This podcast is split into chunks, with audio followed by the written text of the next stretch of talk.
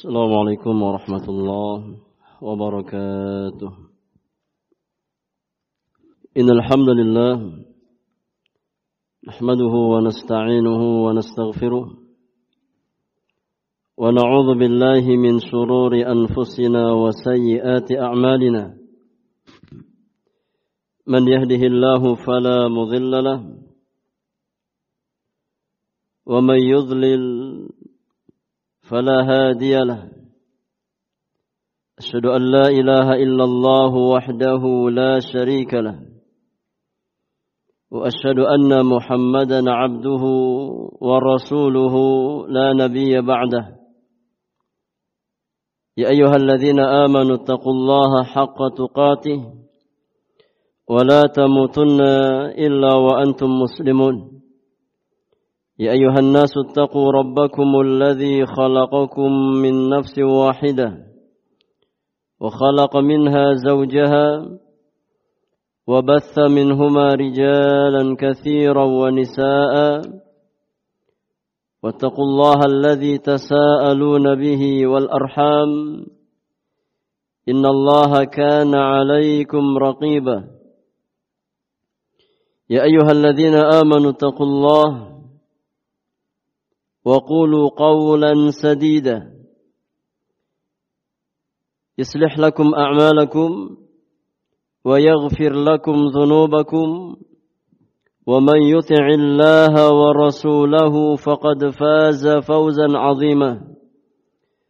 فإن أصدق الحديث كتاب الله وخير الهدي هدي محمد صلى الله عليه وسلم.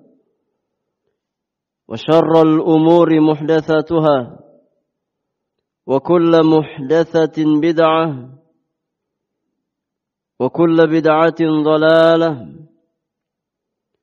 وكل ضلالة في النار. أما بعد أخواتي في الله معاشر المسلمات رحمني ورحمكن الله أجمعين. Jemaah sekalian, kaum muslimat yang semoga dirahmati oleh Allah Subhanahu wa taala. Yang pertama kita bersyukur kepada Allah tabaraka wa taala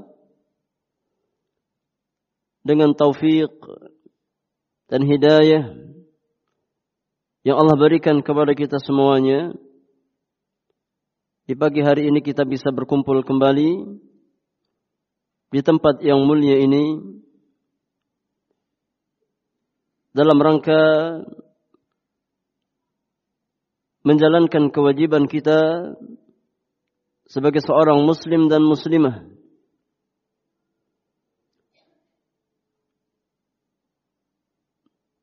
Yaitu mempelajari agama Allah Subhanahu wa taala menuntut ilmu syar'i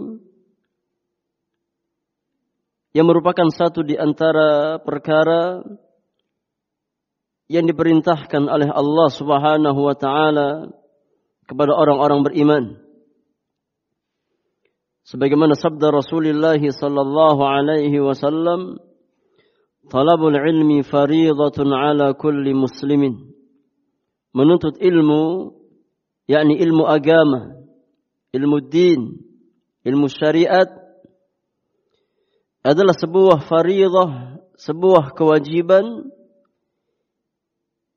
yang telah Allah wajibkan kepada setiap muslim dan muslimah.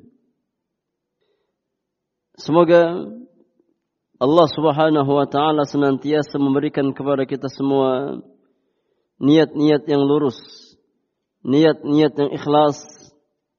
Kita berkumpul semata-mata hanya karena Allah Subhanahu wa taala. Kita duduk di majelis ini semata-mata dalam rangka mengharapkan wajah Allah Subhanahu wa taala sehingga setiap langkah yang kita langkahkan ke tempat ini Allah catatkan sebagai pemberat amal kebaikan kita dan juga sebagai penggugur dosa-dosa dan kesalahan-kesalahan kita. Salawat dan salam semoga tercurahkan kepada qudwah hasanah kita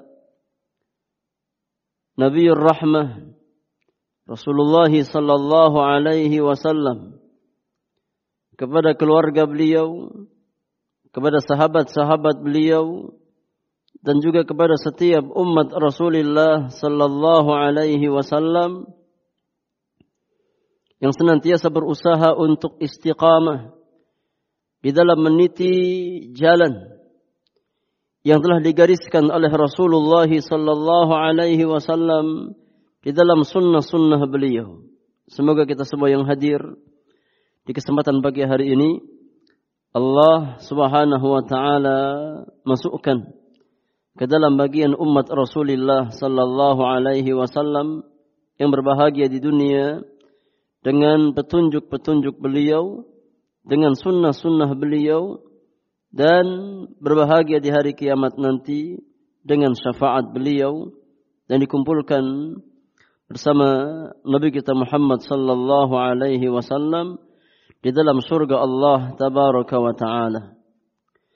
Akhwati fillah, a'azzakunallahu ajma'in. Sebagaimana yang telah kita sampaikan di pertemuan yang lalu, insyaallah di pertemuan pagi hari ini sebagai bentuk yakni tatmim penyempurna dari pembahasan pasal yang kedua tentang ma'rifatu dinil islami bil adillah. Mengetahui agama Islam dengan dalil-dalilnya. Di mana penulis?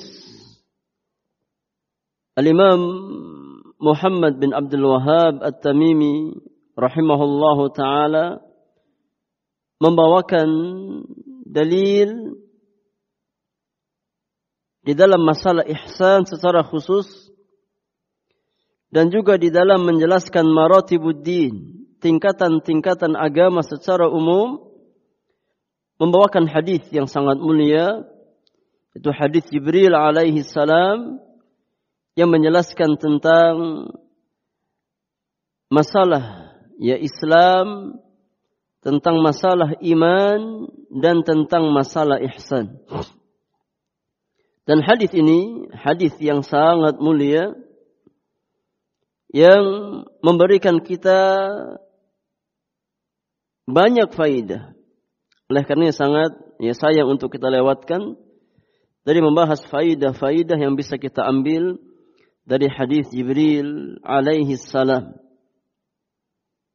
Maka sebelum kita masuk ke al-aslu thalith, landasan yang ketiga, ya kita terlebih dahulu berhenti sejenak untuk mengambil faidah-faidah atau mutiara-mutiara faidah dari hadis Jibril alaihi salam yang dibawakan oleh penulis rahimahullahu taala di akhir al-asl al-thani, di akhir landasan yang kedua. Setelah kita bacakan hadisnya di pertemuan yang lalu, itu hadis yang datang dari jalan Amirul Mukminin Al-Faruq Umar Ibn Al-Khattab radhiyallahu taala anhu wa ardhah yang dikeluarkan oleh Imam Muslim di dalam kitab sahihnya di dalam kitab sahih Muslim. Di mana Umar bin Khattab radhiyallahu taala anhu pernah berkata kata Umar bin Khattab tatkala kami yakni para sahabat Rasulullah sallallahu alaihi wasallam sedang duduk-duduk di majlis Rasulullah sallallahu alaihi wasallam sedang duduk bersama Nabi yang mulia alaihi salatu wasallam di majlis beliau tiba-tiba datang seorang laki-laki di tengah-tengah kami yang mana ciri laki-laki tersebut dia berpakaian sangat putih bersih rambutnya sangat hitam tidak tampak padanya asar seorang musafir. Orang yang datang dari negeri yang jauh. Namun yang mengherankan, Laki-laki tersebut tidak ada yang mengenalnya dari penduduk kota Madinah. Tidak ada yang mengenal laki-laki tersebut dari kalangan sahabat Rasulullah sallallahu alaihi wasallam. Kemudian sang laki-laki tersebut datang atau duduk di hadapan Rasulullah sallallahu alaihi wasallam persis. Dia duduk di hadapan Nabi yang mulia. Dia menyandarkan kedua lututnya di hadapan kedua lutut Rasulullah sallallahu alaihi wasallam dia meletakkan ya kedua telapak tangannya di atas kedua pahanya duduk dengan sikap yang sempurna sebagai seorang penuntut ilmu yang duduk di majelis ilmu untuk mengambil faidah-faidah ilmu. Kemudian dia berkata, "Ya Muhammad, Akhbirni anil Islam. Wahai Muhammad, kabarkan kepadaku tentang Islam. Apa itu Islam? Maka Nabi yang mulia menjawab, Al-Islamu an tashhada an la ilaha illallah. Hakikat Islam adalah engkau bersyahadat, engkau bersaksi bahwasannya tidak ada ilah yang hak kecuali Allah. Tidak ada sesembahan di atas muka bumi yang berhak untuk disembah dengan benar kecuali Allah Subhanahu wa taala. Wa anna Muhammadan Rasulullah.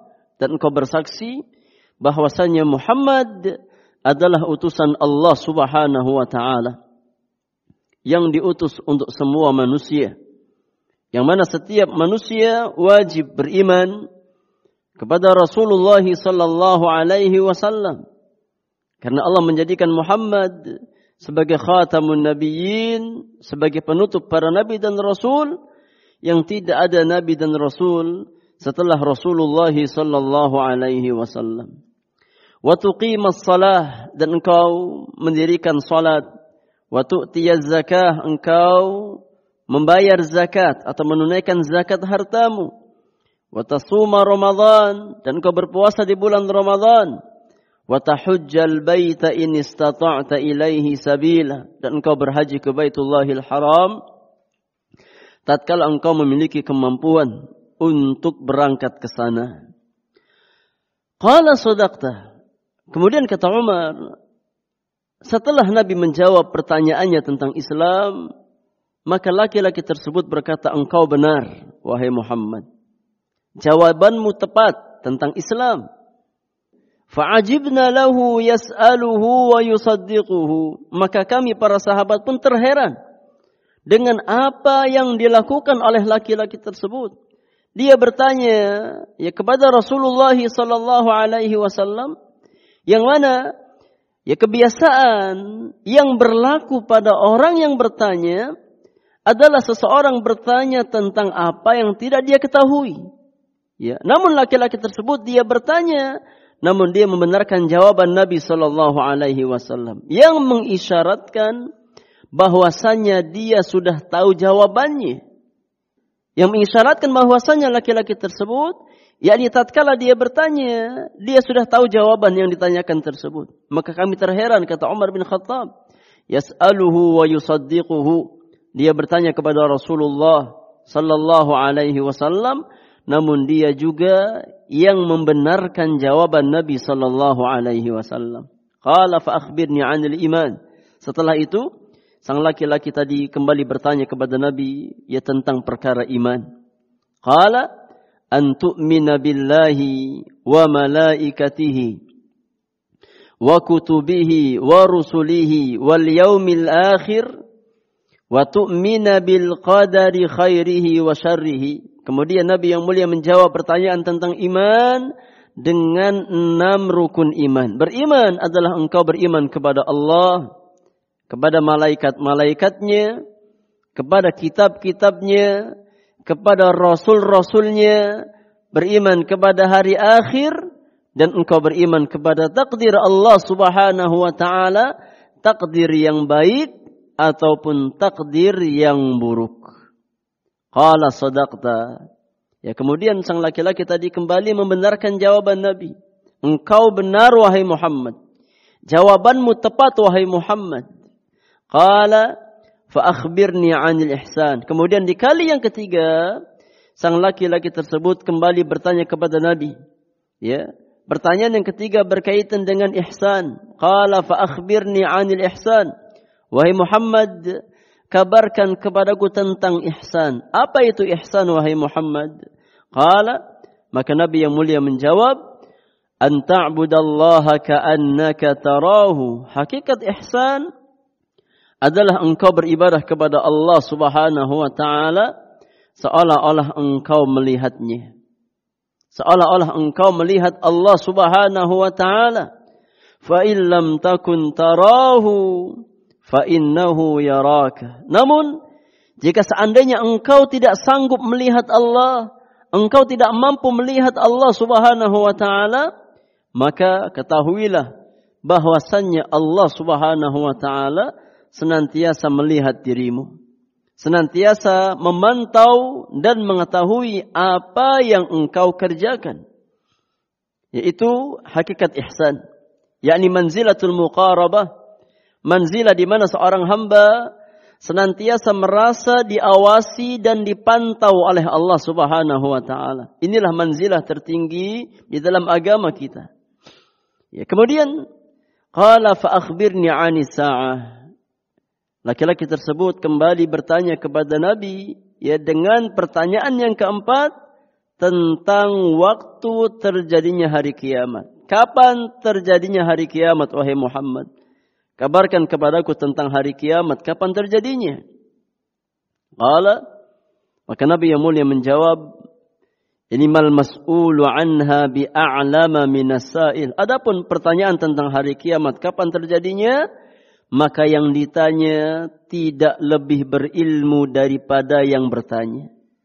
Yakni maknanya yang ditanya sama-sama tidak tahu sebagaimana pihak yang bertanya. Saya dan engkau sama-sama tidak mengetahui ya secara persis kapan terjadinya hari kiamat itu. Ya, karena waktu hari kiamat itu hanya Allah yang mengetahuinya.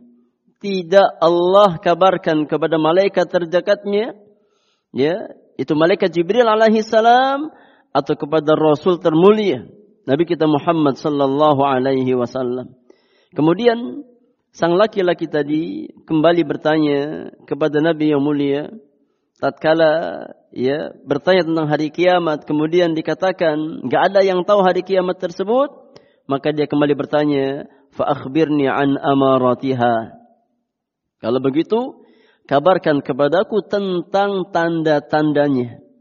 Tentang tanda-tanda yakni dekatnya hari kiamat wahai Muhammad. Qala Kemudian Nabi yang mulia menjawab ya pertanyaan yang terakhir dengan sabda beliau antalidal amatu rabbataha di antara tanda dekatnya hari kiamat adalah tatkala seorang budak wanita melahirkan tuannya. Wa antara al-hufata al-urata al-alata ri'a asy-sya'i yatatawaluna fil bunyan. Dan engkau melihat ya orang-orang yang dahulunya yakni tidak beralas kaki tatkala mereka berjalan. Ini bertelanjang dada. Pakaian mereka seadanya. Mereka orang-orang yang fakir, orang-orang yang miskin, orang-orang yang papa. Hanya para penggembala kambing di tempat-tempat mereka. Di akhir zaman mereka akan berubah menjadi orang-orang yang kaya, yang berharta, yang mana mereka akan saling berlomba untuk meninggi, meninggikan bangunan. Ya, berlomba-lomba berpacu untuk membangun gedung-gedung yang tinggi, bangunan-bangunan yang megah. Maka itu di antara tanda ya dekatnya terjadi hari kiamat. Kemudian kata Umar, "Tsumman talaqa." Setelah itu dia pun pergi. Yang meninggalkan majlis Rasulullah sallallahu alaihi wasallam, falabithtu maliyan. Kemudian aku tinggal beberapa saat, ya, aku tinggal beberapa saat. Thumma qal. Ya kemudian suatu saat setelah majlis itu berlalu, ya, beberapa waktu kemudian Maka Nabi yang mulia memanggil Umar bin Khattab ya, dan bertanya kepada Umar, "Ya Umar, atadri manisail?" Wahai Umar, ingat engkau majlis di hari itu tatkala datang seorang laki-laki yang kalian gak ada yang tahu siapa laki-laki tersebut? Tahukah engkau siapa yang bertanya di hari itu wahai Umar? Maka Umar berkata, "Qultu Allahu wa rasuluhu a'lam." Kata Umar, "Ya Rasulullah, Allah dan Rasulnya yang lebih mengetahui tentang siapa sosok laki-laki tersebut. Kala, maka Nabi yang mulia menjawab, fa innahu Jibrilu atakum yu'allimukum dinakum. Wahai Umar, sesungguhnya laki-laki yang datang di hari itu yang bertanya tentang lima pertanyaan ya adalah malaikat Jibril alaihi salam yang dia datang di tengah-tengah kalian untuk mengajarkan urusan agama kalian. Untuk mengajarkan urusan agama kalian. Nah, ini hadis yang sangat agung ya. Yang mengajarkan kepada kita tentang yakni maratibuddin tentang tingkatan-tingkatan agama. Hadis uh, Umar bin Khattab ini adalah hadis yang sangat agung. Kita akan nukilkan beberapa perkataan para ulama yang menjelaskan kedudukan hadis yang mulia ini. Ya, menunjukkan kedudukan hadis yang mulia ini. Al-Imam Ibnu Daqiq al-Eid rahimahullahu taala beliau menjelaskan kata Al-Imam Ibnu Daqiq al-Eid ya di dalam syarah Arba'in beliau. Imam Ibnu Daqiq al-Eid ya punya syarah Arba'in Nawawiyah. Ya, di dalam kitab Arba'in atau syarah Arba'in yang ditulis oleh Al-Imam Ibnu Daqiq al-Eid. Ibnu Daqiq al-Eid. Daqiq al-Eid. Ya, di antara ulama yang sangat masyhur. Beliau punya kitab untuk mensyarahkan atau menjabarkan kitab Arba'in Nawawiyah. Ya, tatkala menjelaskan atau mensyarahkan hadis Umar bin Khattab ini, maka Al-Imam Ibnu Daqiqil Aid berkata, kata beliau, "Hadza hadithun 'azimun." Hadis ini yakni hadis Umar bin Khattab ini adalah hadis yang sangat agung. Hadis Umar bin Khattab ini adalah hadis yang sangat agung. Qad istamala ala jami'i wadhaifil a'mali adh-dhahirati wal batinah. Hadis ini mencakup amalan-amalan zahir dan amalan-amalan batin. Hadis ini mencakup yakni pembahasan tentang amal-amal lahiriah dan amal-amalan hati. Semuanya ada dalam hadis Umar bin Khattab ini. Jadi mencakup penjelasan tentang amalan-amalan zahirah, amalan-amalan lahiriah, dan juga amalan-amalan batin, amalan-amalan hati. Wa ulumus syari'ati kulluha raji'atun ilaihi wa mutasya'ibbatun minhu. Dan semua ilmu-ilmu syariat itu kembali ya atau berporos kepada hadis Umar ini semua ilmu-ilmu syariat ya yakni kembali kepada hadis Umar bin Khattab ini. Ilmu-ilmu syariat kembali kepada hadis Umar bin Khattab dan bercabang dari hadis yang mulia ini. Lima tadammanahu min jam'ihi ilmu sunnah. Dan disebabkan Dikarenakan hadis ini mengumpulkan semua ilmu tentang sunnah, fahuwa kal ummi sunnah. Maka hadis ini bagaikan ummus sunnah, induknya sunnah Rasulullah sallallahu alaihi wasallam.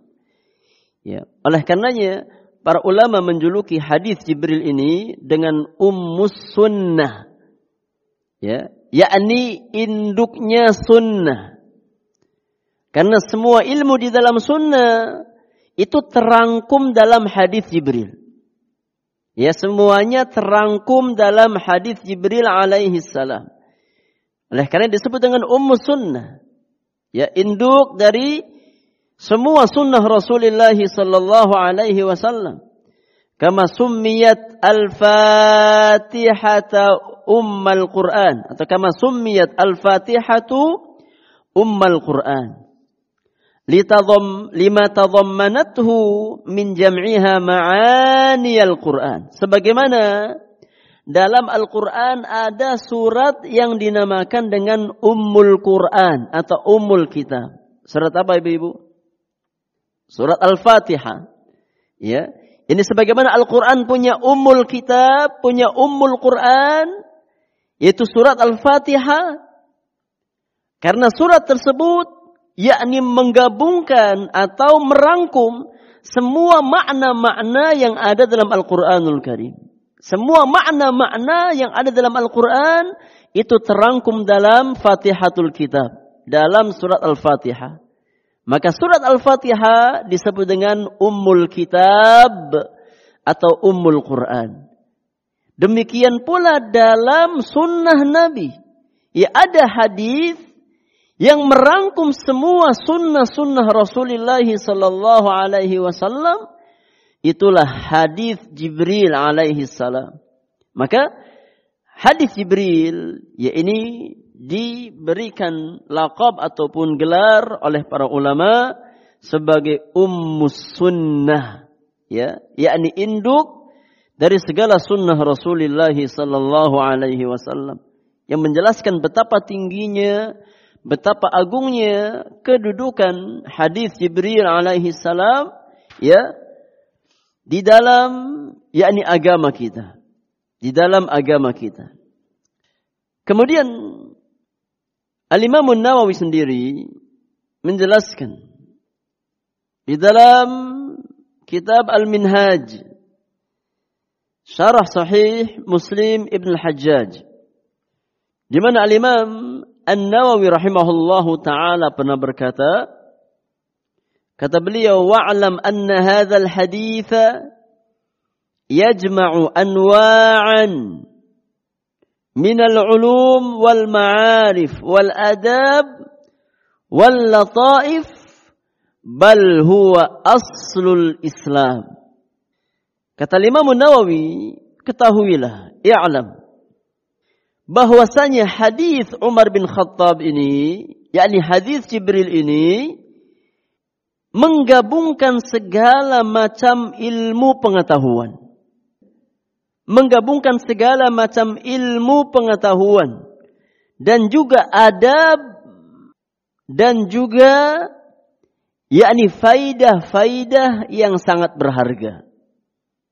Hadis Jibril ini kata Imam Nawawi menggabungkan yakni segala macam ilmu pengetahuan menjelaskan tentang adab-adab ya di dalam agama serta lataif yakni faidah-faidah penting. Bal huwa aslul Islam bahkan hadis ini merupakan yakni aslul Islam pondasi agama Islam. Ya pondasi agama Islam. Ini menunjukkan betapa agungnya hadis Jibril alaihi salatu wassalam. Kemudian poin yang selanjutnya ya perkataan al-Imam Ibnu Rajab Al-Hambali di dalam kitabnya Jami' al-Ulum wal Hikam. Jami' al-Ulum wal Hikam. Kata al-Imam Al-Hafiz Ibnu Rajab Al-Hambali rahimahullahu taala tatkala mensyarahkan hadis Jibril alaihi salam beliau berkata wa huwa hadithun azimun hadis Jibril ini hadis yang sangat agung hadis yang sangat agung. Yashmalu ala syarhid dini kullihi. Yang mana hadis ini mencakup penjelasan ya semua urusan agama. Hadis ini mencakup ya penjelasan semua perkara agama. Walihada qala an-nabiy fi akhirih. Oleh karenanya di akhir hadis tersebut Rasulullah sallallahu alaihi wasallam bersabda, "Hadza Jibril atakum yuallimukum dinakum." Yang datang di hari itu adalah malaikat Jibril. Yang mana dia datang untuk mengajarkan kalian urusan agama kalian. Ya, maka hadis Jibril alaihi salam mencakup penjabaran ya poin-poin terpenting dalam agama kita. Ini di antara penjelasan para ulama yang menjelaskan tentang manzilah atau kedudukan hadis Jibril alaihi salatu wassalam. Jadi kita bawakan dari pujian para ulama tentang hadis yang mulia ini. Yang pertama dari perkataan al-Imam Ibn Daqiq al-Id di dalam syarah Arba'in Nawawiyah beliau.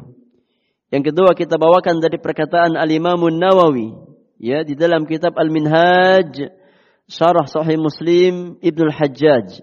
Yang ketiga kita bawakan dari perkataan Al-Imam Al-Hafidh Ibn Rajab Al-Hambali di dalam bukunya Jami' Al-Ulum wal Hikam. Jami' Al-Ulum wal Hikam. Kemudian di antara faidah yang bisa kita ambil dari hadis Jibril alaihi salam. Yang pertama, hadis ini mengajarkan kepada kita ya tentang adab dalam menghadiri majelis ilmu. Ya, adab dalam menghadiri majelis ilmu. Di mana seorang talibul ilmi atau seorang talibatul ilmi, seorang penuntut ilmu tatkala dia hendak datang ke majelis ilmu, maka hendaknya dia berusaha untuk yakni datang dengan hayah yang terbaik, penampilan yang terbaik. Ya tatkala kita berusaha untuk datang ke majelis ilmu, ya dalam rangka mengagungkan ilmu yang kita pelajari. Karena majelis-majelis ilmu itu dibacakan di dalamnya qala Allah dan qala Rasulullah sallallahu alaihi wasallam. Ya, sebaik-baik perkataan, sebaik-baik ucapan. Maka hendaknya kita berusaha untuk mengagungkan ya firman-firman Allah dan juga sabda sabda Rasulullah sallallahu alaihi wasallam karena ta'zimul ilmi memuliakan ilmu adalah di antara cara untuk mendapatkan barokatul ilmi. Di antara wasilah untuk dapat berkahnya ilmu. Dengan ta'zim kepada ilmu yang akan kita pelajari mengagungkan qala Allah dan qala Rasulullah. Maka ilmu yang kita pelajari akan menjadi sumber keberkahan bagi kita. Makanya ini penting ya bagi kita semuanya. Hendaknya kita berusaha untuk yakni menampilkan yang terbaik tatkala kita datang ke majelis-majelis ilmu. Karena itu bagian dari ta'zim kita terhadap ilmu yang diwariskan oleh Rasulullah sallallahu alaihi wasallam. Kemudian ya faidah yang kedua. Faidah yang kedua. Di antara adab seorang talibul ilmi tatkala dia duduk di majelis ilmu maka hendaknya dia duduk dengan duduk yang terbaik tatkala kita duduk di majelis ilmu, maka hendaknya kita duduk dengan hayah atau kaifiyat atau tata cara duduk yang terbaik yang menunjukkan kita ini beradab di majelis ilmu. Adapun cara duduk terbaik kata para ulama, tatkala seseorang duduk di majelis ilmu, maka hendaknya ya kalau kita mampu kita duduk sebagaimana kita duduk yakni di antara dua sujud. Atau tatkala kita duduk tahiyat. Duduk tahiyat. Ini yang pertama. Atau yang kedua, ya kita duduk dengan cara bersila. Ya, duduk dengan cara bersila.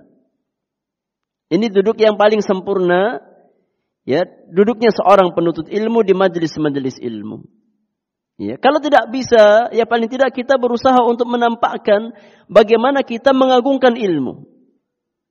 Oleh karenanya, ya tidak disukai seseorang, seorang talibul ilmi, itu tatkala duduk di majelis ilmu duduknya ya nyender atau menyandar. Hendaknya kita jauhi duduk seperti itu. Duduk dengan cara apa? Ya ini menyender, ya cari tempat yang paling strategis, ya cari tempat ya yang kira-kira yakni paling nyaman cari tiang atau cari tembok ya kemudian sandaran. Nah, ini nggak disukai. Ya. Yang pertama ini kurang ya. Di dalam masalah adab ya. Yang kedua biasanya duduk seperti itu itu lebih mudah membuat ya seorang talibul ilmi ngantuk. Ya lebih gampang bikin ngantuk. Ya sudah kita ini berat perjuangan kita. Hatta tatkala kita duduk sempurna pun kadang-kadang setan luar biasa apa menggoda kita. Ya, untuk membuat kita ngantuk tatkala kita di majelis ilmu. Apalagi ya kita di awal dari awal duduk di majelis ilmu sudah ancang-ancang cari tempat yang nyaman. Maka itu namanya pindah tidur dari rumah pindah ke majelis ilmu. Maka hendaknya ya kita berusaha untuk duduk secara sempurna, ya. Kalau tidak mampu sebagaimana kita duduk iftirash, maka duduk bersila. Ya, ini sikap duduk yang terbaik. Atau kalaupun tidak mampu, ya karena faktor sakit atau yang lainnya, maka yakni kita berusaha untuk bersikap duduk yang menandakan kita yakni seorang yang beradab di majelis ilmu. Ya jangan sampai apa? Jangan sampai duduk ini se, se semaunya. Jangan sampai duduk semaunya. Hendaknya kita berusaha menampakkan adab-adab kita di majelis-majelis ilmu. Dan sekali lagi, itu di antara kunci keberkahan ilmu yang kita pelajari. Lihat bagaimana malaikat Jibril alaihissalam ya tatkala berguru di hadapan Rasulullah sallallahu alaihi wasallam atau tatkala duduk di majelis ilmu, maka beliau duduk dengan sikap yang terbaik. Duduk dengan sikap yang yang terbaik. Kemudian di antara faidah yang bisa kita ambil dari hadis yang mulia ini, faidah yang ketiga, hadis ini menjelaskan ya lima rukun Islam. Bahwasannya Islam itu dibangun di atas lima rukun. Yang pertama dua kalimat syahadat. Yang kedua yakni iqamatus salah, mendirikan salat. Yang ketiga menunaikan zakat. Yang keempat berpuasa di bulan Ramadan. Dan yang kelima adalah berhaji ke Baitullahil Haram bagi seseorang yang diberikan kemampuan oleh Allah Subhanahu wa taala, baik mampu secara fisik ataupun mampu secara finansial. Ya, maka hendaknya kita yakni berhaji ke Baitullahil Haram. Adapun yakni rincian dari lima rukun Islam sudah pernah kita bahas ya tatkala kita membahas tentang al-Islam. Ya sudah kita bahas rincian-rinciannya satu persatu. Kemudian faidah yang keempat. Di antara faidah hadis Jibril, hadis ini juga menjelaskan kepada kita tentang penjelasan enam rukun iman.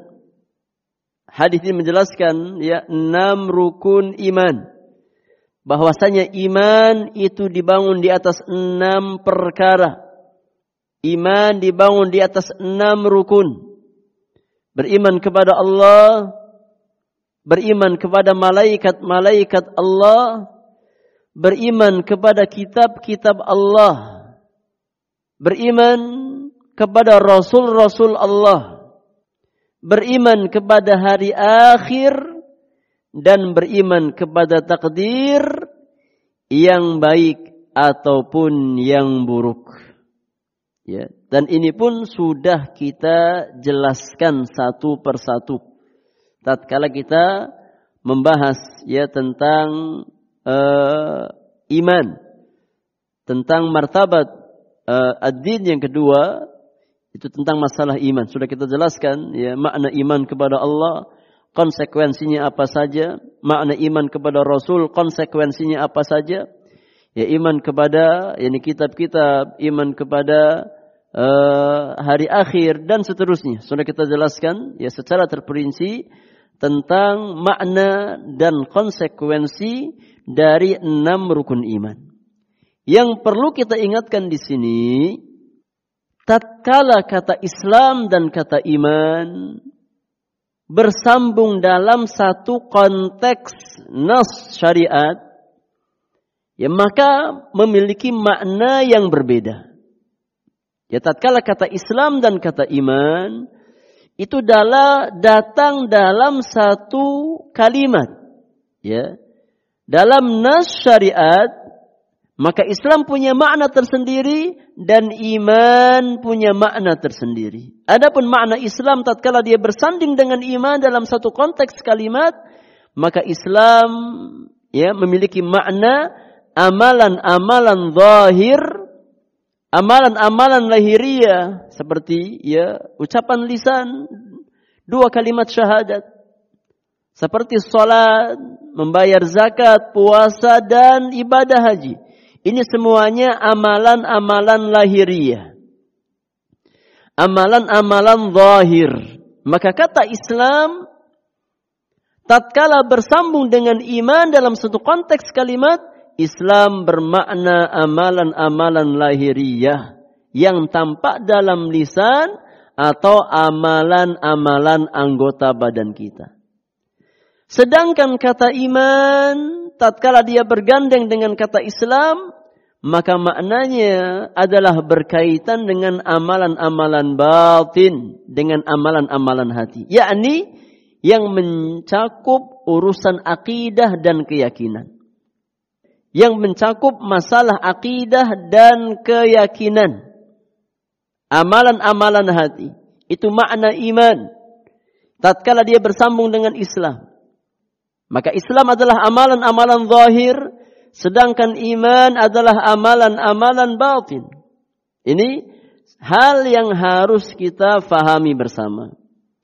Adapun tatkala kata Islam dan kata iman ya datang secara menyendiri dalam satu nas syariat ya seperti firman Allah Subhanahu wa taala ya inna dina 'indallahi islam sesungguhnya agama yang hak di sisi Allah hanyalah Islam maka maknanya mencakup amalan lahiriah dan amalan batin.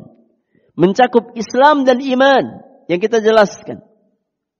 Jadi kalau seandainya kata iman datang secara sendiri atau kata Islam datang secara sendiri, maka maknanya mencakup keduanya. Mencakup amalan-amalan zahirah, amalan-amalan lahiriah, dan mencakup amalan-amalan batinah, amalan-amalan batin atau amalan-amalan hati. Namun kalau seandainya dua kata tersebut bersatu dalam satu konteks kalimat, dalam nas-nas syariat maka maknanya berbeda. Ya, Islam untuk amalan zahirah sedangkan iman untuk amalan batinah. Ya, ini di antara faidah ya dari kata Islam dan kata kata iman. Kemudian faidah yang lain di antara uh, faidah yang bisa kita ambil dari hadis Jibril alaihi salam bahwasanya hadis Jibril ini menjelaskan tentang perkara ihsan. Hadis Jibril menjelaskan tentang perkara perkara ihsan. Dan ihsan sudah kita jelaskan hakikat ihsan. Hakikat ihsan adalah seseorang beribadah atau menjalankan kewajiban ubudiyah kepada Allah Subhanahu wa taala ya dengan cara yang terbaik. Seolah-olah dia melihat Allah Subhanahu wa taala. Yakni analogi sederhana dalam masalah ihsan walillahil mathalul a'la dan bagi Allah permisalan yang sangat tinggi ya yakni seorang karyawan yang dia bekerja kemudian dia melihat ya atasannya tatkala dia bekerja ada yakni atasan yang mengawasi kerjanya. Maka tentu karyawan tersebut atau pekerja tersebut akan berusaha untuk menampakkan kerjaan yang terbaik. Dan sekali lagi bagi Allah permisalan yang yang lebih tinggi. Maka tatkala seorang hamba menghadirkan muraqabatullah, ya dia seolah-olah bekerja melihat Allah Subhanahu wa taala. Allah hadir ya, yakni dalam apa yang dia lakukan. Maka tentu seorang hamba akan berusaha untuk beramal dengan amal yang terbaik. Salatnya salat terbaik. Ya talabul ilminya talabul ilmi yang terbaik. Sedekahnya sedekah yang terbaik. Puasanya puasa yang terbaik. Segala amalannya dia berusaha untuk dia lakukan dengan cara sebaik mungkin. Dan kalau seandainya kita tidak bisa melihat Allah di dunia, maka yakinlah bahwasannya Allah senantiasa mengawasi kita. Kalaupun kita tidak bisa melihat Allah, maka kita wajib meyakini bahwasannya Allah senantiasa memantau dan melihat setiap apa yang kita lakukan. Baik amalan-amalan batin kita ataupun amalan-amalan lahiriah kita. Semuanya dilihat oleh Allah. Tidak ada yang samar dan sembunyi bagi Allah Subhanahu wa taala. Allah Maha tahu amal-amal kita. Allah Maha tahu niat-niat kita. Makanya, ya seorang muslim, seorang muslimah dalam beramal, yakni jangan pedulikan ucapan manusia. Jangan pedulikan pujian manusia. Manusia mau memuji kita, mau mencela kita, jangan hiraukan. Ya. Karena kita pasti dilihat oleh Allah Subhanahu wa taala. Kalau seandainya semua manusia tidak ada yang memuji amalan kita, maka Allah Subhanahu wa taala tidak menyia-nyiakan amal kebaikan seorang hamba. Innallaha la yudhi'u ajral muhsinin. Sesungguhnya Allah Subhanahu wa taala tidak pernah menyia-nyiakan pahala orang-orang yang muhsin yang beramal semata-mata hanya karena Allah Subhanahu wa taala. Oleh karenanya tatkala dikatakan kepada Umar bin Khattab, "Ya Amirul Mukminin," sesungguhnya ada seorang laki-laki yang dia berbuat baik. Orang baik, orang saleh yang taat kepada Allah Subhanahu wa taala, yang bertakwa kepada Allah Subhanahu wa taala, ya namun Umar nggak kenal orang tersebut. Ya, Umar nggak tahu siapa dia. Ya, Umar tidak mengenal sosok laki-laki tersebut. Apa kata Umar bin Khattab? La yadurruhu alla ya'rifahu Umar. Wa Rabbu Umar ya'rifuhu. Nah, tidak akan bermudarat bagi laki-laki yang saleh tersebut ya ketidaktahuan Umar terhadap sosok dirinya. Karena Robnya Umar senantiasa mengetahui hamba-hambanya bertakwa kepada Allah Subhanahu wa taala. Yakni kalaupun seandainya sosok laki-laki yang soleh tersebut tidak diketahui oleh Umar bin Khattab maka nggak ada masalah. Tidak memudaratkan dirinya di hadapan Allah Subhanahu wa taala.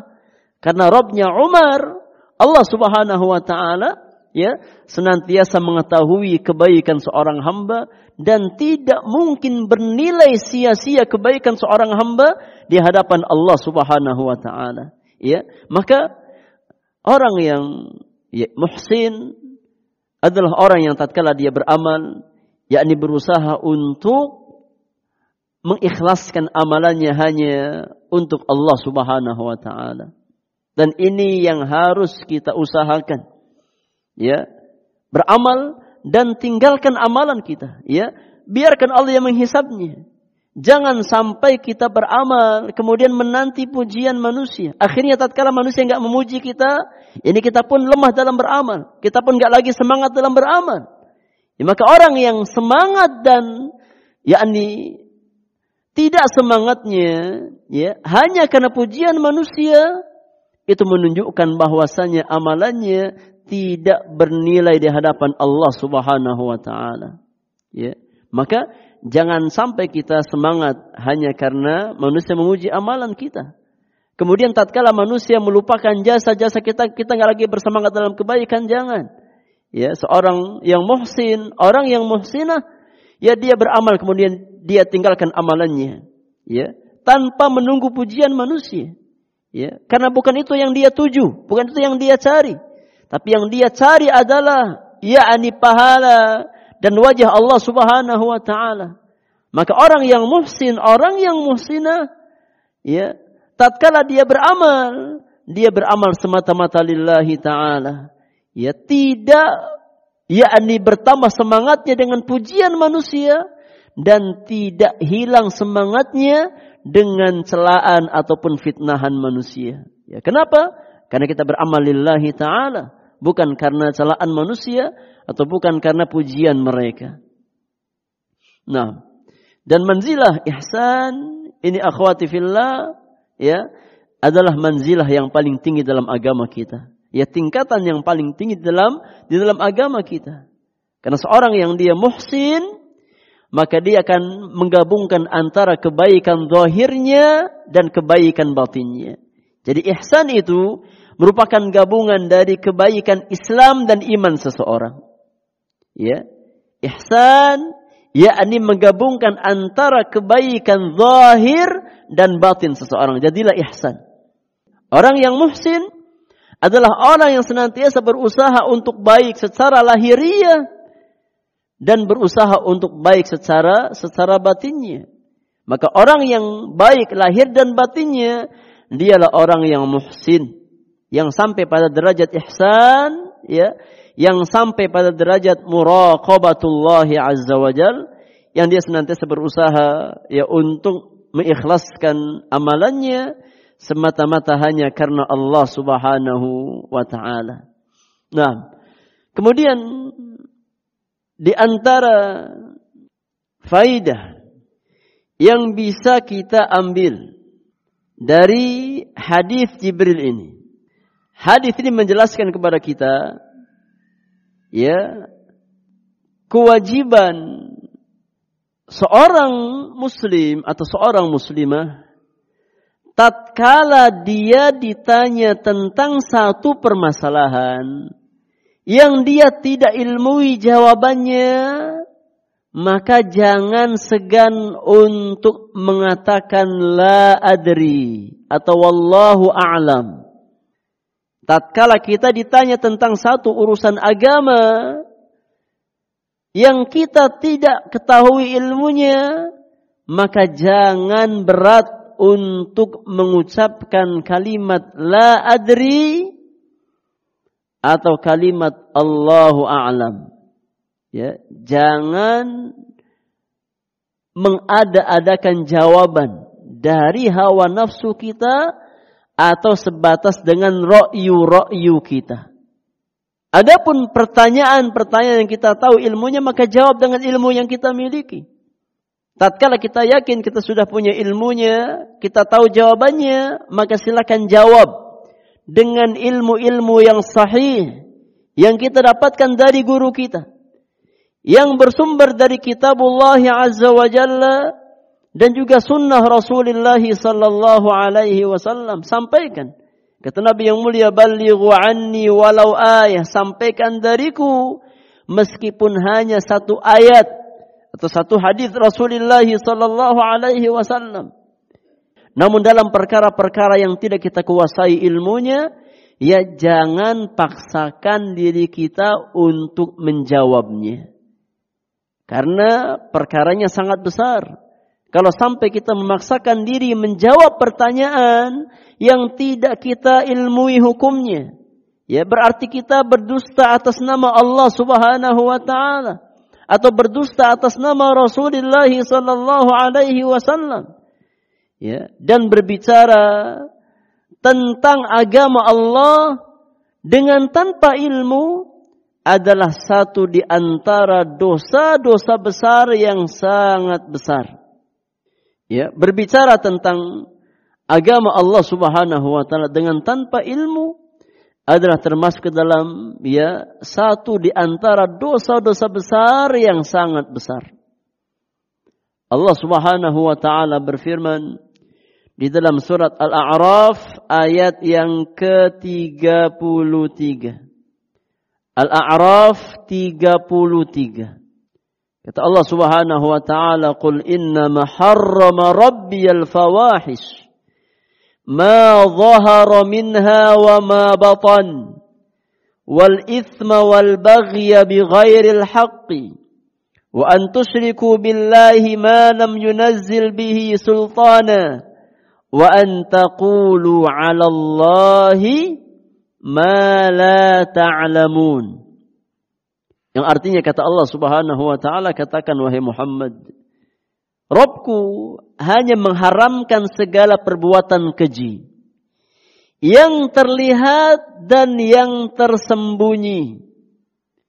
Mengharamkan perbuatan dosa, perbuatan zalim tanpa alasan yang benar, dan mengharamkan kamu mempersekutukan Allah dengan sesuatu sedangkan dia tidak menurunkan alasan untuk hal itu.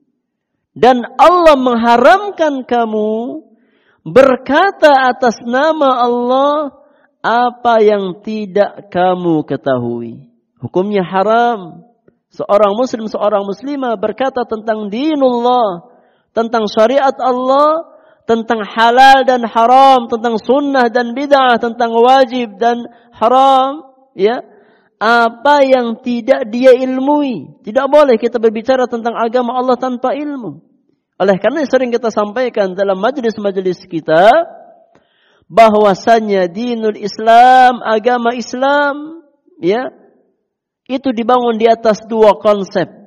Yang pertama konsep ilmiah, yang kedua konsep amaliyah.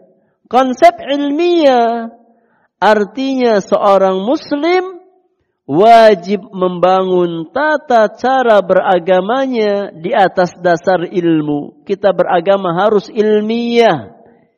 Ya, harus dibangun di atas ilmu, di atas hujjah. Bukan sebatas ikut-ikutan.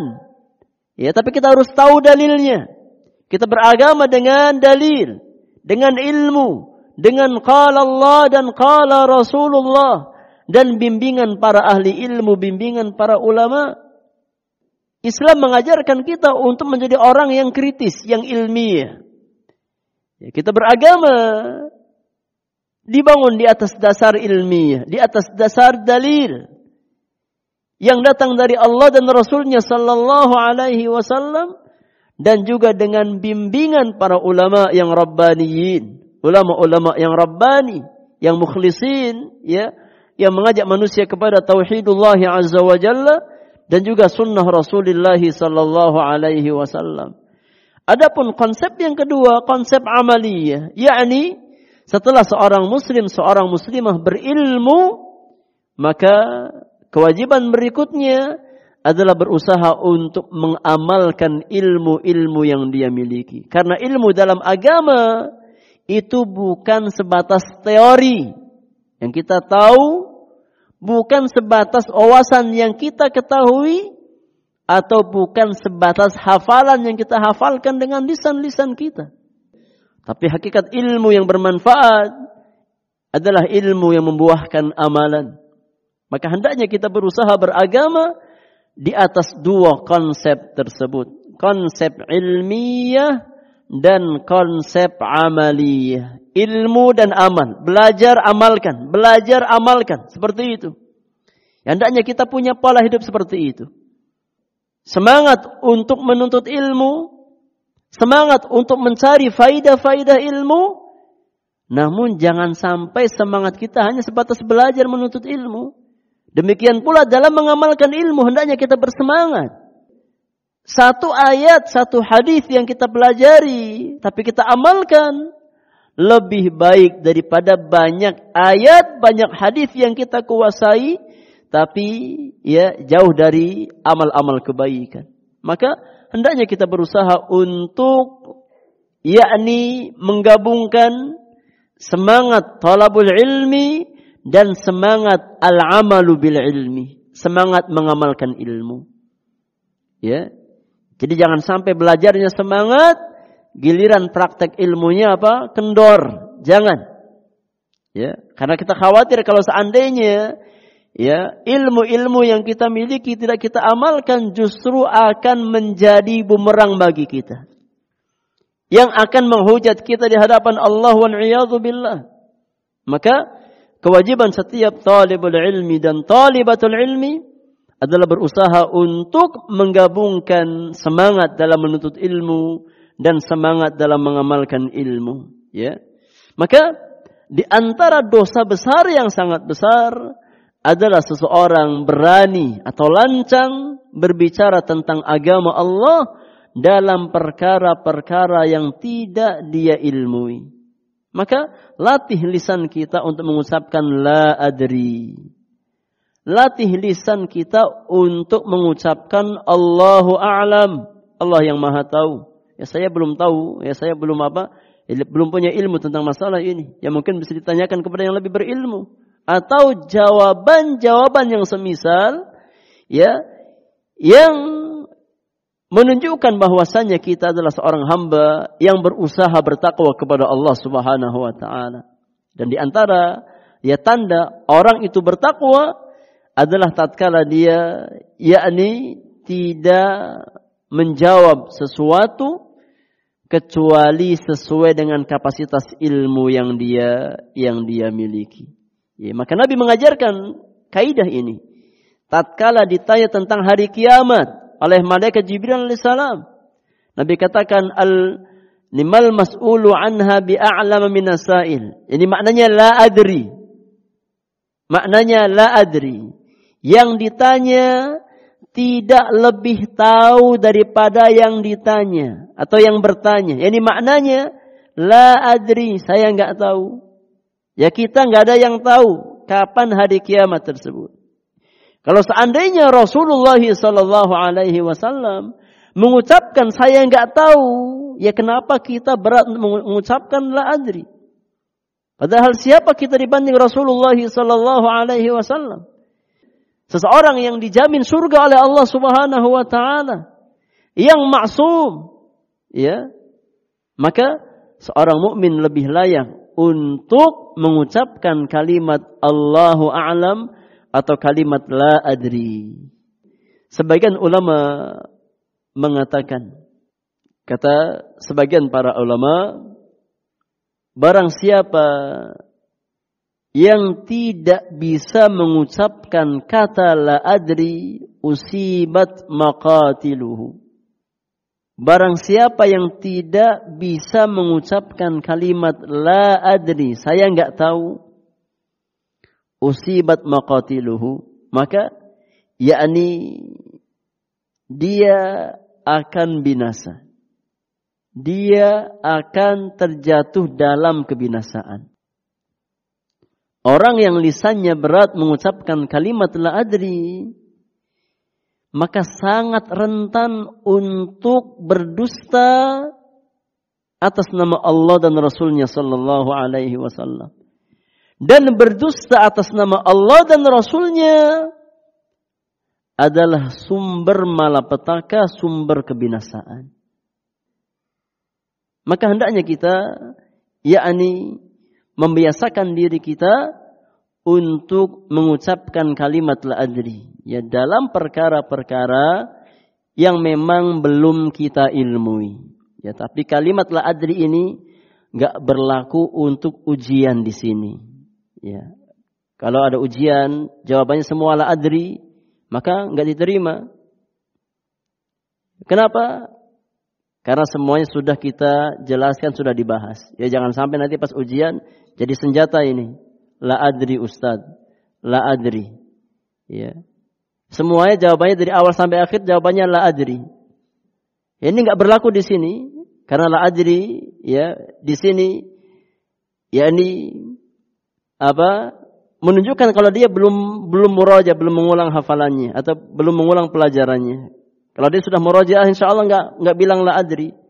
Karena semua pertanyaan itu sudah ya kita bahas, ya tidak keluar dari apa-apa yang sudah kita bahas di majelis-majelis kita. Ya. Jadi jangan di, disalahfahami. Kemudian akhwati fillah azakumullah di antara faidah yang bisa kita ambil dari hadis Jibril ini hadis ini menjelaskan bahwasannya ilmu tentang terjadinya hari kiamat itu hanya ada di sisi Allah Subhanahu wa taala. Ya hanya ada di sisi Allah Subhanahu wa taala. Tidak ada makhluk yang tahu secara pasti kapan terjadinya hari kiamat. Ya. Maka kalau seandainya muncul sebagian orang yang mengklaim atau meramal Waktu hari kiamat, ya tanggal sekian, tahun atau bulan sekian, tahun sekian. Maka orang mukmin tanpa syak lagi, ya di awal dia mendengar ramalan tersebut atau ucapan tersebut, langsung dia katakan, ya kadzabta, engkau dusta. Gak boleh ragu untuk mengucapkan seperti itu. Ya, kalau ada orang yang meramal, yang mengklaim tahu terjadinya hari kiamat, ya, maka tanpa syak kita ucapkan ya kadzabta engkau bohong, gak mungkin benar. Ya bukan malah apa? Bukan malah takut. Aduh, jangan-jangan benar ya. Aduh, mana apa mana. Yani amalan belum banyak, ya, amal soleh belum banyak. Rasa takut apa seperti itu menunjukkan lemahnya iman kita, menunjukkan kurangnya ilmu kita terhadap hari kiamat. Berarti ada masalah dalam iman kita, dalam ilmu kita. Karena kalau kita yakin bahwasannya ilmu tentang hari kiamat itu hanya ada di sisi Allah Subhanahu wa taala, sebagaimana nas-nas Al-Qur'an dan Sunnah mengabarkan, maka kita tidak akan pernah mempercayai orang-orang yang berusaha meramal waktu terjadinya hari kiamat. Ya, maka orang-orang beriman tidak boleh dipermainkan oleh syaitan, baik dari bangsa jin ataupun manusia, ya, yang berusaha untuk menimbulkan keraguan-raguan dalam iman mereka. Ya, dengan meramal hari kiamat terjadi pada hari ini dan hari itu, ya bulan ini dan bulan itu, ya nggak boleh kita syak, nggak boleh kita ragu, bahwasannya kalau ada orang yang mengklaim tahu hari kiamat, kita katakan engkau adalah pendusta. Ucapanmu itu pasti kedustaan dan kebohongan. Gak mungkin benar. Ya. Kenapa? Karena ilmu tentang hari kiamat hanya ada di sisi Allah subhanahu wa ta'ala. Rasul terbaik dari kalangan malaikat nggak tahu hari kiamat. Rasul terbaik dari kalangan manusia nggak tahu hari kiamat. Apalagi orang biasa. Ya, apalagi yang meramal itu orang kafir yang nggak beriman. Maka wajib kita dustakan, nggak boleh kita benarkan. Oleh karenanya, ya kalau kita tahu prinsip ini, ya insya Allah, ya kita nggak pernah dibuat ragu atau dibuat takut oleh manusia-manusia, ya yang mengklaim dirinya tahu tentang hari kiamat.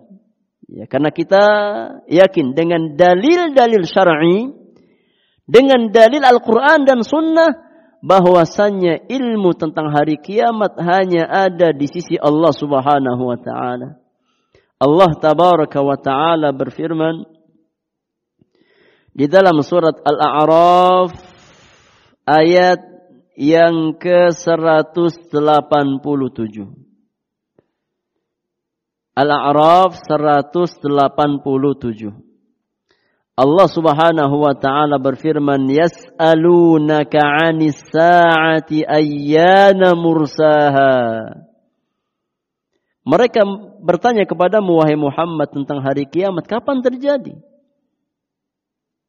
Ya mereka orang-orang kufar bertanya kepada engkau wahai Muhammad tentang hari kiamat ayyana mursaha kapan terjadinya hari kiamat wahai Muhammad?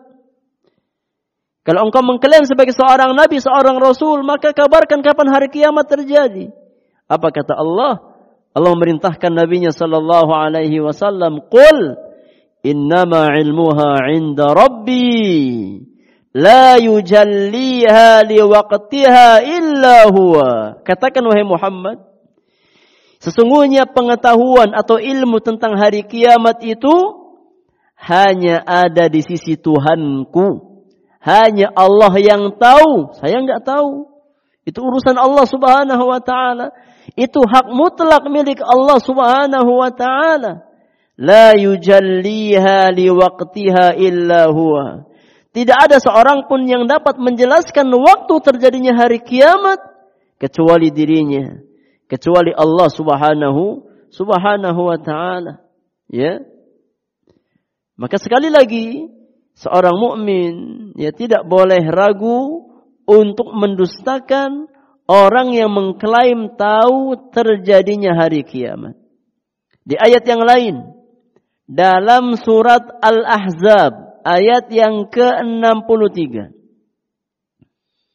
Al-Ahzab 63. Allah Subhanahu wa taala berfirman yas'alukan nasu 'anis sa'ah. Qul innama 'ilmuha 'indallah wa ma yudrika la'alla as-sa'ata takunu. Manusia bertanya kepadamu wahai Muhammad tentang hari kiamat. Ya, kapan terjadinya hari kiamat tersebut? Qul innama ilmuha indallah. Maka katakan wahai Muhammad, ilmu tentang hari kiamat itu hanya di sisi Allah Subhanahu wa taala. Enggak ada yang tahu hari kiamat kecuali Allah. Wa ma yudrika la'alla as-sa'ata takunu qariba.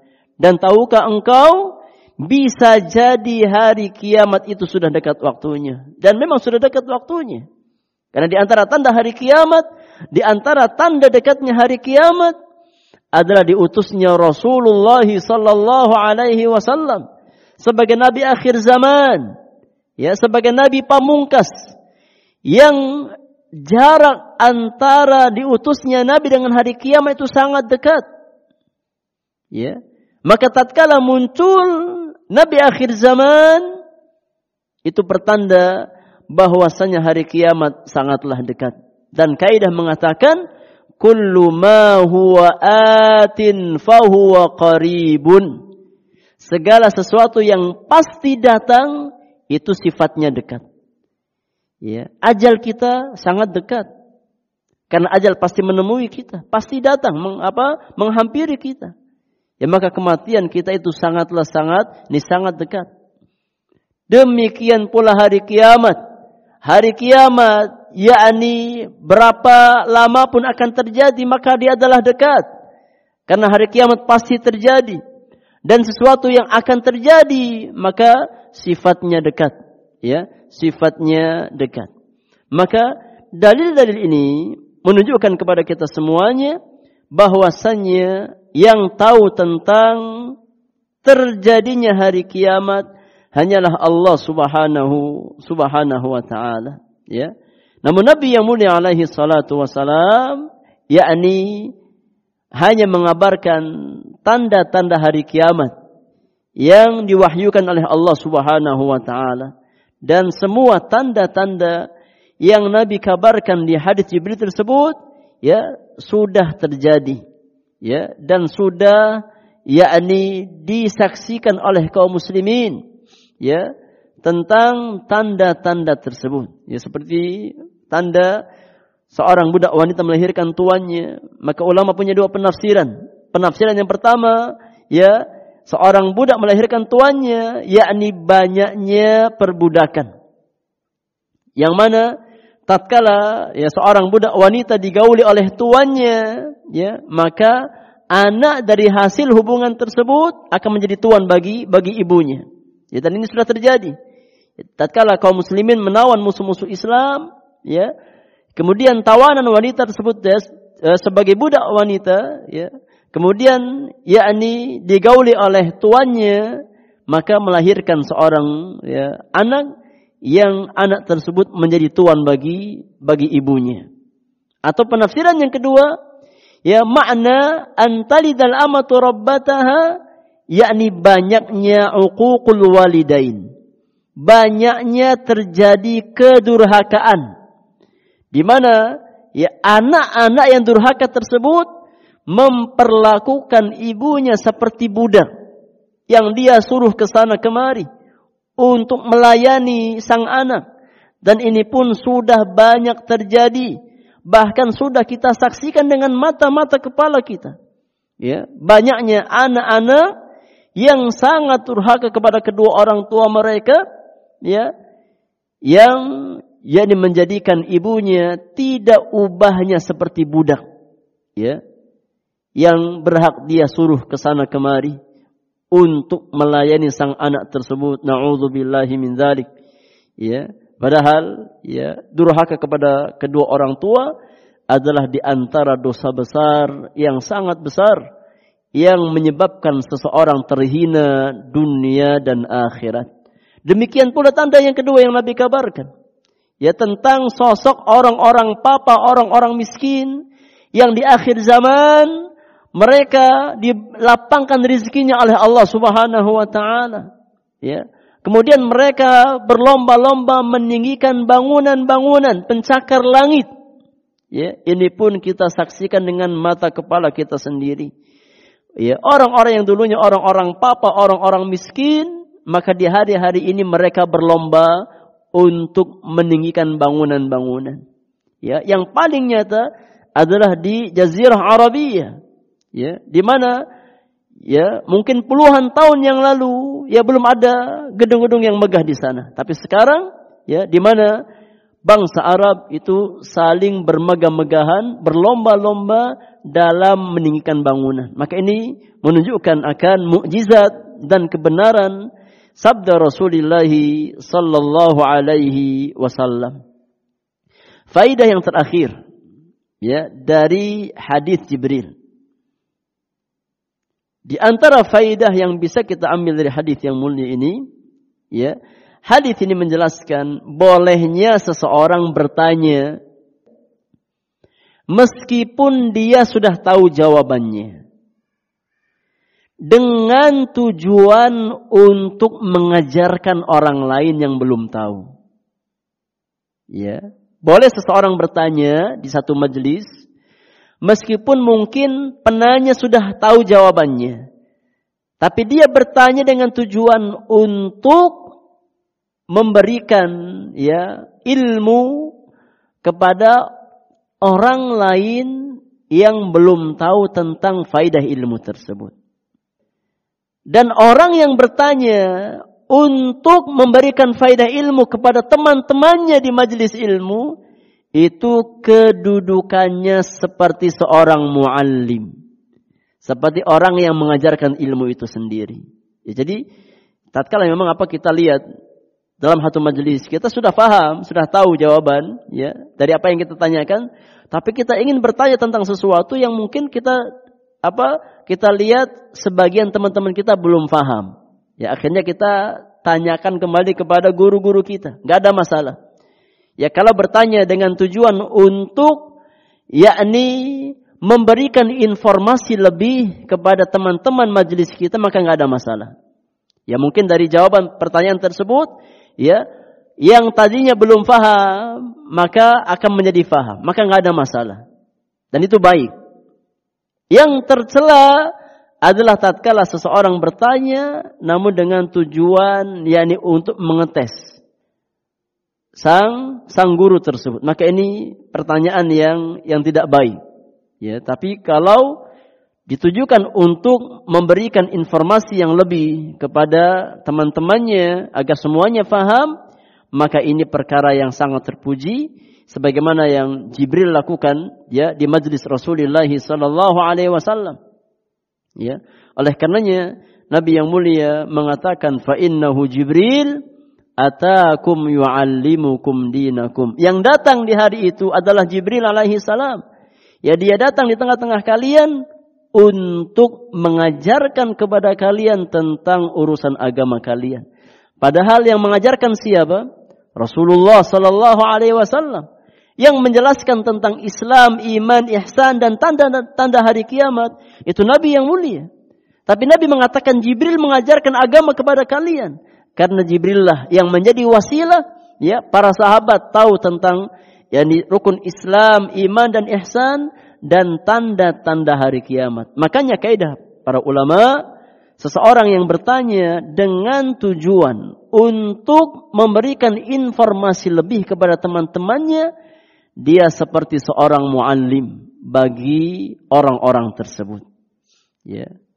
Ini akhwati fillah a'azakunallahu ajma'in di antara faidah-faidah yang bisa kita ambil dari hadis yang mulia ini, hadis yang sangat agung ya yang yakni diberikan lakab oleh para ulama sebagai ummus sunnah, induknya as-sunnah. Karena ya dalam hadis ini terangkum semua sunnah-sunnah Rasulullah sallallahu alaihi wa alihi wasallam. Dengan demikian telah kita rampungkan ya al-asl ats-tsani, landasan yang kedua dari tiga landasan uh, Islam, insyaallah kita akan masuk al-aslu thalith ma'rifatu nabiyyikum Muhammadin sallallahu alaihi wasallam mengenal sosok Nabi kita Muhammad sallallahu alaihi wasallam di pertemuan yang akan datang. Semoga berfaedah dan bermanfaat untuk kita semuanya. Selebihnya kalau ada hal-hal yang sekiranya kurang difahami dari apa yang kita bahas di pagi hari ini, kita beri kesempatan bersoal jawab sebelum kita tasmi' untuk hafalan pekan ini. Wallahu taala a'lamu bis-shawab. Cukup Ustaz, insyaallah. Cukup? Cukup insyaallah. Baik, kalau begitu kita tasmi' hafalan untuk pekan ini. Terakhir sampai mana Ibu? Ya. Al-aslu tsani. Ma'rifatu dinil Islam bil adillah. Wa dalil syahadati anna Muhammad Rasulullah. Taib. Berarti terakhir kita sampai ya firman Allah qul ya ahlal kitab ta'alu ila kalimatin sawa. Sahih? Sahih? Ya sekarang wa dalilu syahadati anna Muhammadan Rasulullah qauluhu ta'ala laqad ja'akum. Ini belum? Belum ya? Taib. استمعنا ورددنا معي استمعنا ورددنا معي قال المؤلف رحمه الله تعالى ودليل شهادة أن محمد رسول الله قوله تعالى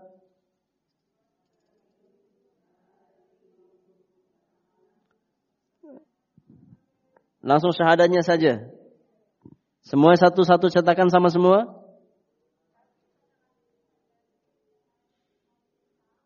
Baik, enggak ada anak Muhammad Rasulullahnya? Baik. Iya. Sesuai dengan yang ada diceritakan saja nggak apa-apa. Wa dalilu syahadati qawluhu ta'ala. Laqad ja'akum rasulun min anfusikum azizun 'alaihi ma 'anittum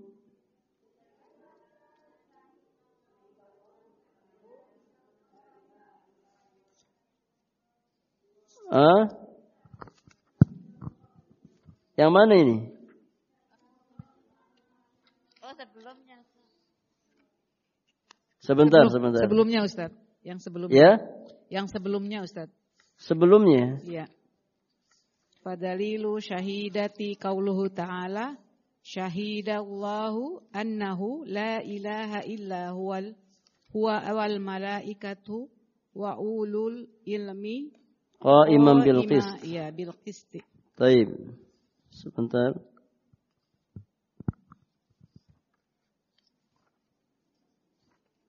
Ustaz yang belakangnya kayaknya. Wa idza qala belum. Sebentar.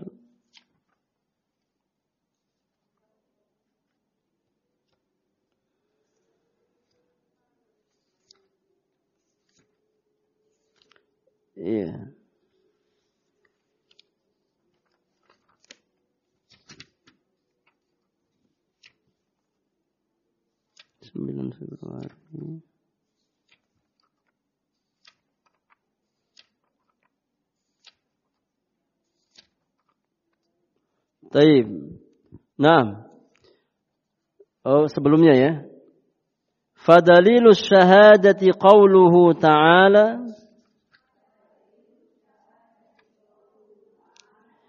شهد الله أنه لا إله إلا هو.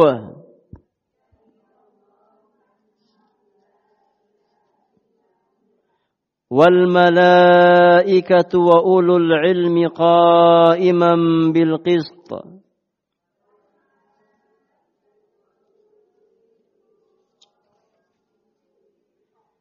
لا إله إلا هو العزيز الحكيم.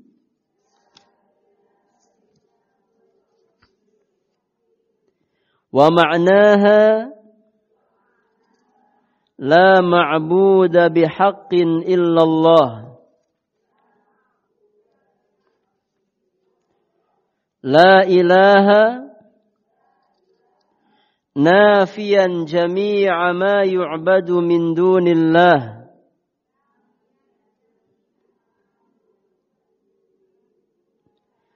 إلا الله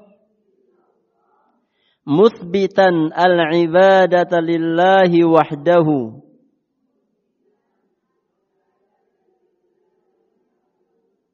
لا شريك له في عبادته. كما أنه لا شريك له في ملكه.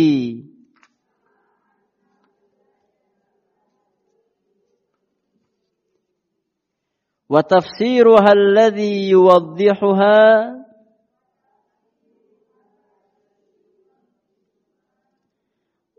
قوله تعالى وإذ قال إبراهيم لأبيه وقومه إنني براء مما تعبدون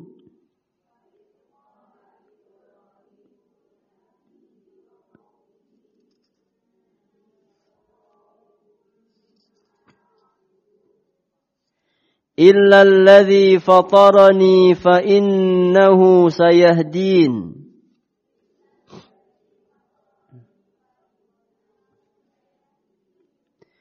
وجعلها كلمة باقية في عقبه لعلهم يرجعون.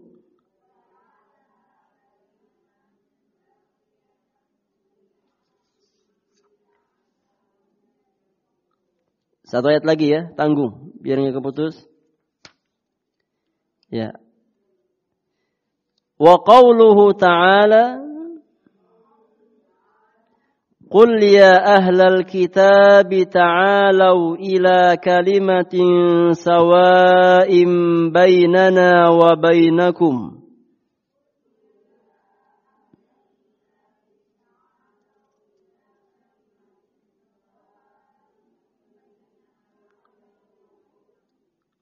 ألا نعبد إلا الله ولا نشرك به شيئا ولا يتخذ بعضنا بعضا أربابا من دون الله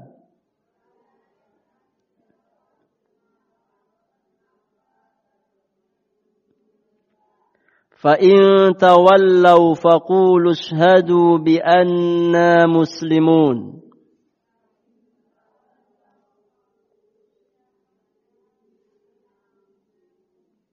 فإن تولوا فقولوا اشهدوا بأننا مسلمون.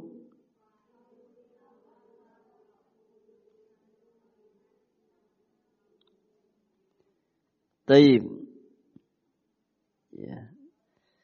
Cukup ya? Iya, agak panjang ini sedikit, agak panjang sedikit karena kalau dipotong ya tanggung. Ya, sedikit agak panjang, tapi nggak terlalu panjang banget. Insya Allah satu pekan dapat. Ya, insya Allah satu pekan dapat. Ya.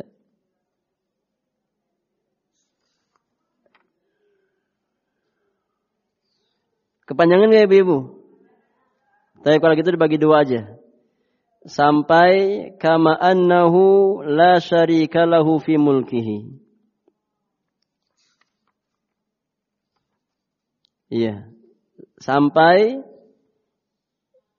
La ilaha nafiyan jami'a yu'badu min dunillah illallahu muthbitan al-ibadata lillahi wahdahu la syarika lahu fi ibadatihi kama annahu la syarika lahu fi mulkihi. Sampai situ saja ya.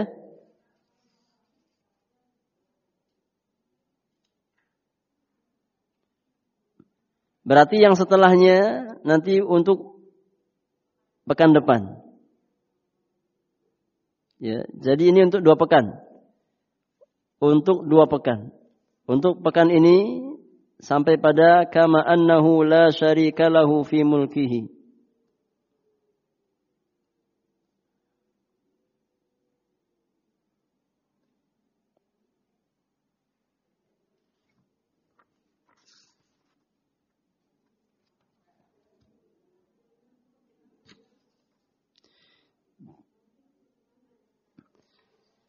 Iya, coba dibaca bersama-sama Ibu sampai kama annahu la syarika lahu fi mulkihi. Silakan. Fadalilu syahadati atau qala al-muallifu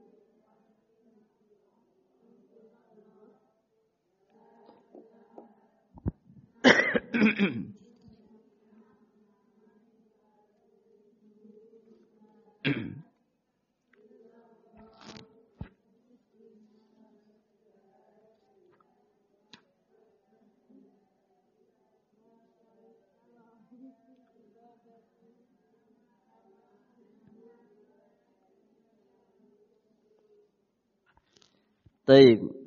Jadi untuk pekan ini sampai pada perkataan penulis kama annahu la syarika lahu fi mulkihi ya. Saya kasih diskon 50%.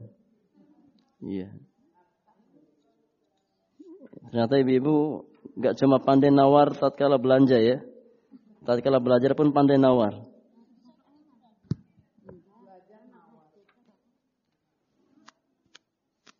Tapi nggak apa-apa. Kaidahnya apa kaidahnya? Ahabul a'mali ilallah adwamuha wa in qallah. Amal yang paling Allah cintai itu yang paling konsisten, yang paling kontinu meskipun apa? Meskipun sedikit. Ya, mudah-mudahan kita diberikan keistiqomahan oleh Allah Subhanahu wa taala untuk terus ya meniti jalan-jalan ilmu. Amin. Afan, Ustaz, Afan, uh, ada yang apa beda ada yang beda? Yang mana? Silakan yang beda yang mana? Oh, gitu. Yang la syarika lahu fi ibadatihi. Iya. Kama annahu laisa lahu syarikun fi mulkihi. Iya. Yang bedanya apa? Laisa, laisa, pakai Ah, sama, nggak apa-apa boleh. Kama annahu laisa lahu syarikun. fi mulkihi. Iya, nggak apa-apa. Maknanya sama, nggak ada beda sama sekali. Jadi boleh menggunakan ya kama annahu la syarika lahu fi mulkihi atau kama annahu laisa lahu syarikun fi mulkihi. Boleh dua-duanya, silahkan. Kalau ada perbedaan, ya perbedaan nasakh ya atau perbedaan nuskhah, maka boleh ikut yang di nuskhah masing-masing. Maknanya sama, tidak ada beda. Ya secara makna insya Allah sama dan tidak ada bedanya. Jadi silahkan hafalkan pakai nuskhah yang yang ada. Ya, tidak merubah makna. Ada lagi yang beda? Cuma itu saja ya. Baik, barakallahu fikunna ajma'in. Insyaallah kita lanjutkan di pertemuan yang akan datang. Apa-apa yang hak semata-mata taufik dari Allah Subhanahu wa taala, yang salah dan kurang karena kesalahan dan kekurangan ilmu yang saya miliki. Wassallallahu ala nabiyyina Muhammadin wa alihi wa sahbihi ajma'in wa akhiru da'wana anil hamdulillahi rabbil alamin. Subhanakallahumma wa bihamdika asyhadu an la ilaha illa anta astaghfiruka wa atubu ilaik. Assalamualaikum warahmatullahi wabarakatuh.